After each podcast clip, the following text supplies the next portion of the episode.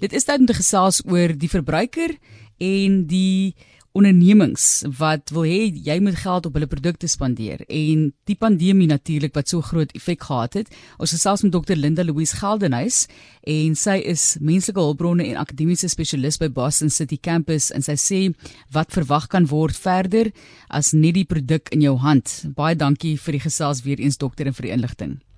Goeiemôre natuurlik.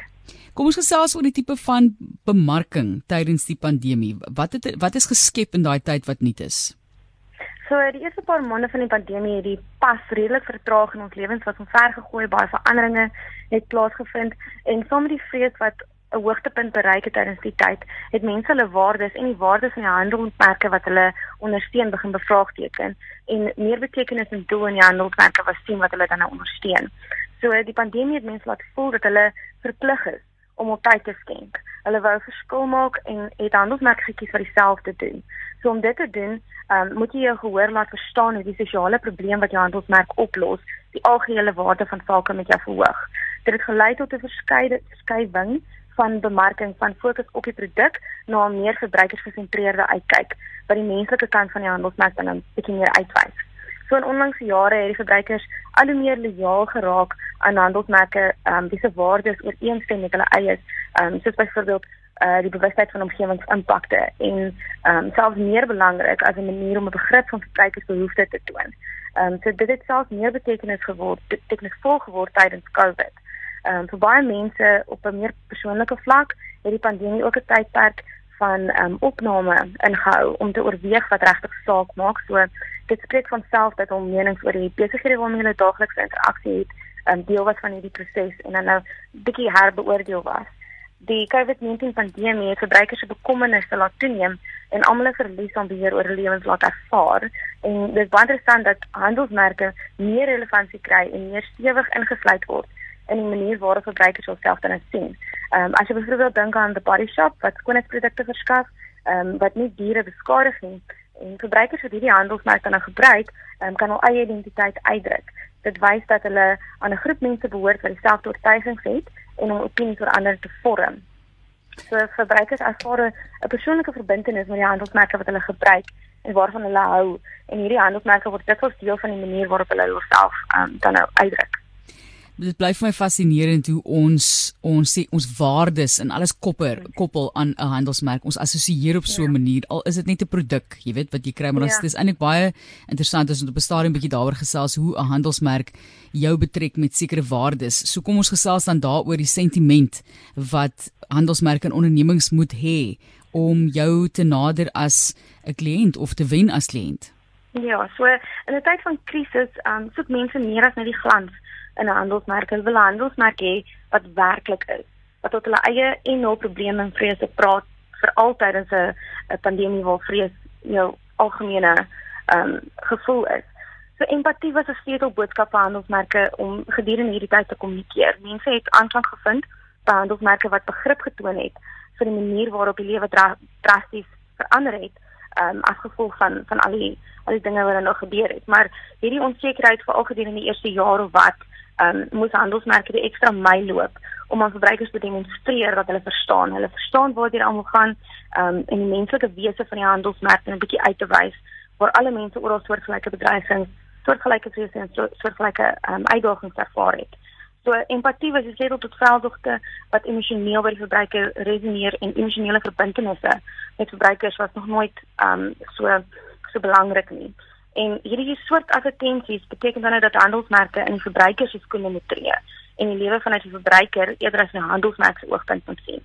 So om legaliteit te bou, moet 'n maatskappy in staat wees om in te skakel op die verbruiker se gevoelens en 'n emosionele koneksie te kan skep. Ja. En die manier om dit te doen is deur boodskappe te kommunikeer wat verband hou met die verbruiker op 'n persoonlike, menslike vlak om op behoeftes, begeertes, bekommernisse, frustrasies en hul eie vrese um dan te kan verstaan. As mens nou kyk na die krisistyd, die pandemie, dan het mense gedrag geweldig verander natuurlik. Uh Linda Louise, Dr. Geldnys wat met ons gesels. Ek kyk nou byvoorbeeld jy gaan koop nou 'n produk in die tyd wat die golwe nou bietjie bedaar het. Nou kom ja. daar 'n golf, jy het nou besluit jy wil nie daai produk hê nie, maar nou kom maar 'n golf, jy het nog nie kans gehad om die produk terug te vat na die winkel toe nie, want jy probeer so ver as moontlik uit winkels uitbly. Jy koop so ver ja. moontlik aanlyn. Dis net jy dink jy hou jouself veiliger. Nou kom jy na daardie golf terug by die winkel en jy sê luisterie maar ek wil asseblief hierdie items teruggee. Ek wou ongelukkig nie in die winkels gewees het nie. Het dis nou maar net 'n voorbeeld. En dan sê hulle jammer, jy kan dit nie meer teruggee nie. So dis maar 'n voorbeeld. Wat verwag verbruikers? van handelsmerk in so 'n krisisperiode? So een van die sleutelverwagtinge is dat handelsmerke doelgerig en betekenisvol moet optree.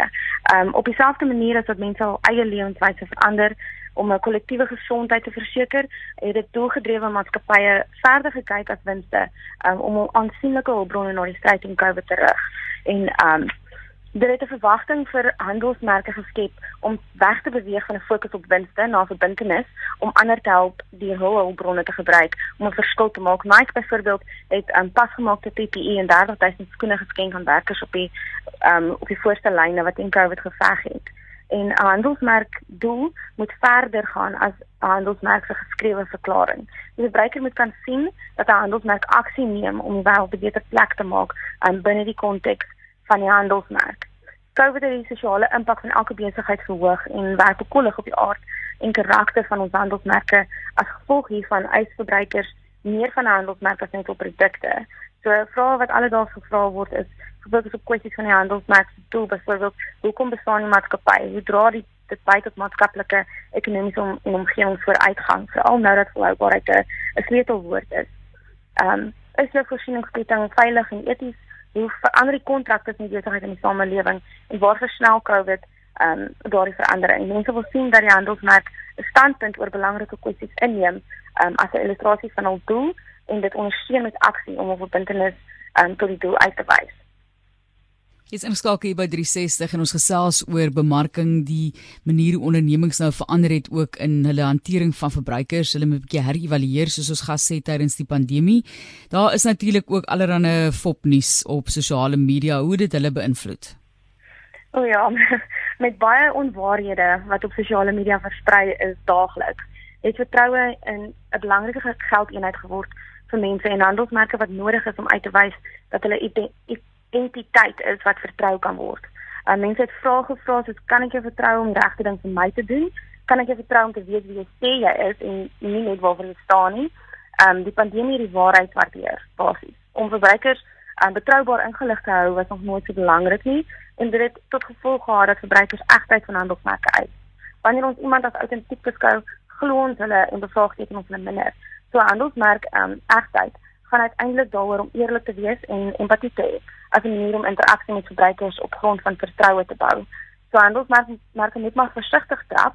Die verbruiker wil nie sien dat 'n handelsmerk um, kommer uitspreek en aan verbruikers uitbuit nie. Um, die aanvaarding van 'n geloofwaardige handelsmerk stem en doel is uiters belangrik. So 'n handelsmerk wat ons vertroue verdien het, het ons loyaliteit aan nou verdien. En loyaliteit is nie net belangrik vir um, 'n um, standaard gehoorbank nie, maar ook um veral wanneer dit iets slegs of onverwags in die breër mark gebeur soos 'n ekonomiese afswaai of nou 'n massa pandemie op 'n skaal wat ons nog nie van tevore gesien het nie. En ehm um, handelsmerke was suksesvol in die bou van vertroue op ehm um, deur oplettendheid, deursigtigheid en simplistiese kommunikasie. Deursigtigheid oor veiligheidsmaatreëls, oor instemming met klante se bekommernisse en om ehm um, regheid tot die punt te kom was 'n sleutel in staat gestel van vertroue in die tyd. Ehm um, mense wou ook sien dat die handelsmerke bydra tot die stryd teen COVID deur morele en etiese besluite te neem wat die samelewing beïnvloed eerder as om op suiwer ekonomiese sake besluite te fokus. Um in hierdie klimaat blyk dit te wees dat die egtheid van 'n handelsmerk 'n aantal faktore kan insluit wat 'n maatskappy aan die samelewing teruggee. So hoe dit sy kliënte en personeel behandel en um of dit werklik verbind is tot die ekopraktyke en volhoubaarheid. Uh met 'n gehoor wat aksie soek verwag verbruikers dat die handelsmerk op enige van verskeie maniere sal help insluitend prysverlaging, ehm um, ondersteuning van gesondheids ehm um, sorgwerkers, herdoelstellings van al ehm um, voorsieningsketting en om 'n verskil te maak tydens die krisis. Ehm um, dan nou die algemene geldjie geskenk waar jy kan ook. So 'n goeie voorbeeld hiervan is die ehm um, alkoholhandelsmerk Savannah. Ehm um, in 'n jaar waarvan verskeie alkoholverbode ehm um, was, het Savannah 'n geestige invalshoek ehm um, behou en hulle het ontwikkel ehm uh, soos nodig om die sterk #stay boodskappe in te sluit. Ons gebruikers herinner om te hou by die COVID-19 protokolle en riglyne um, wat deur die regering ingestel is vir die doel.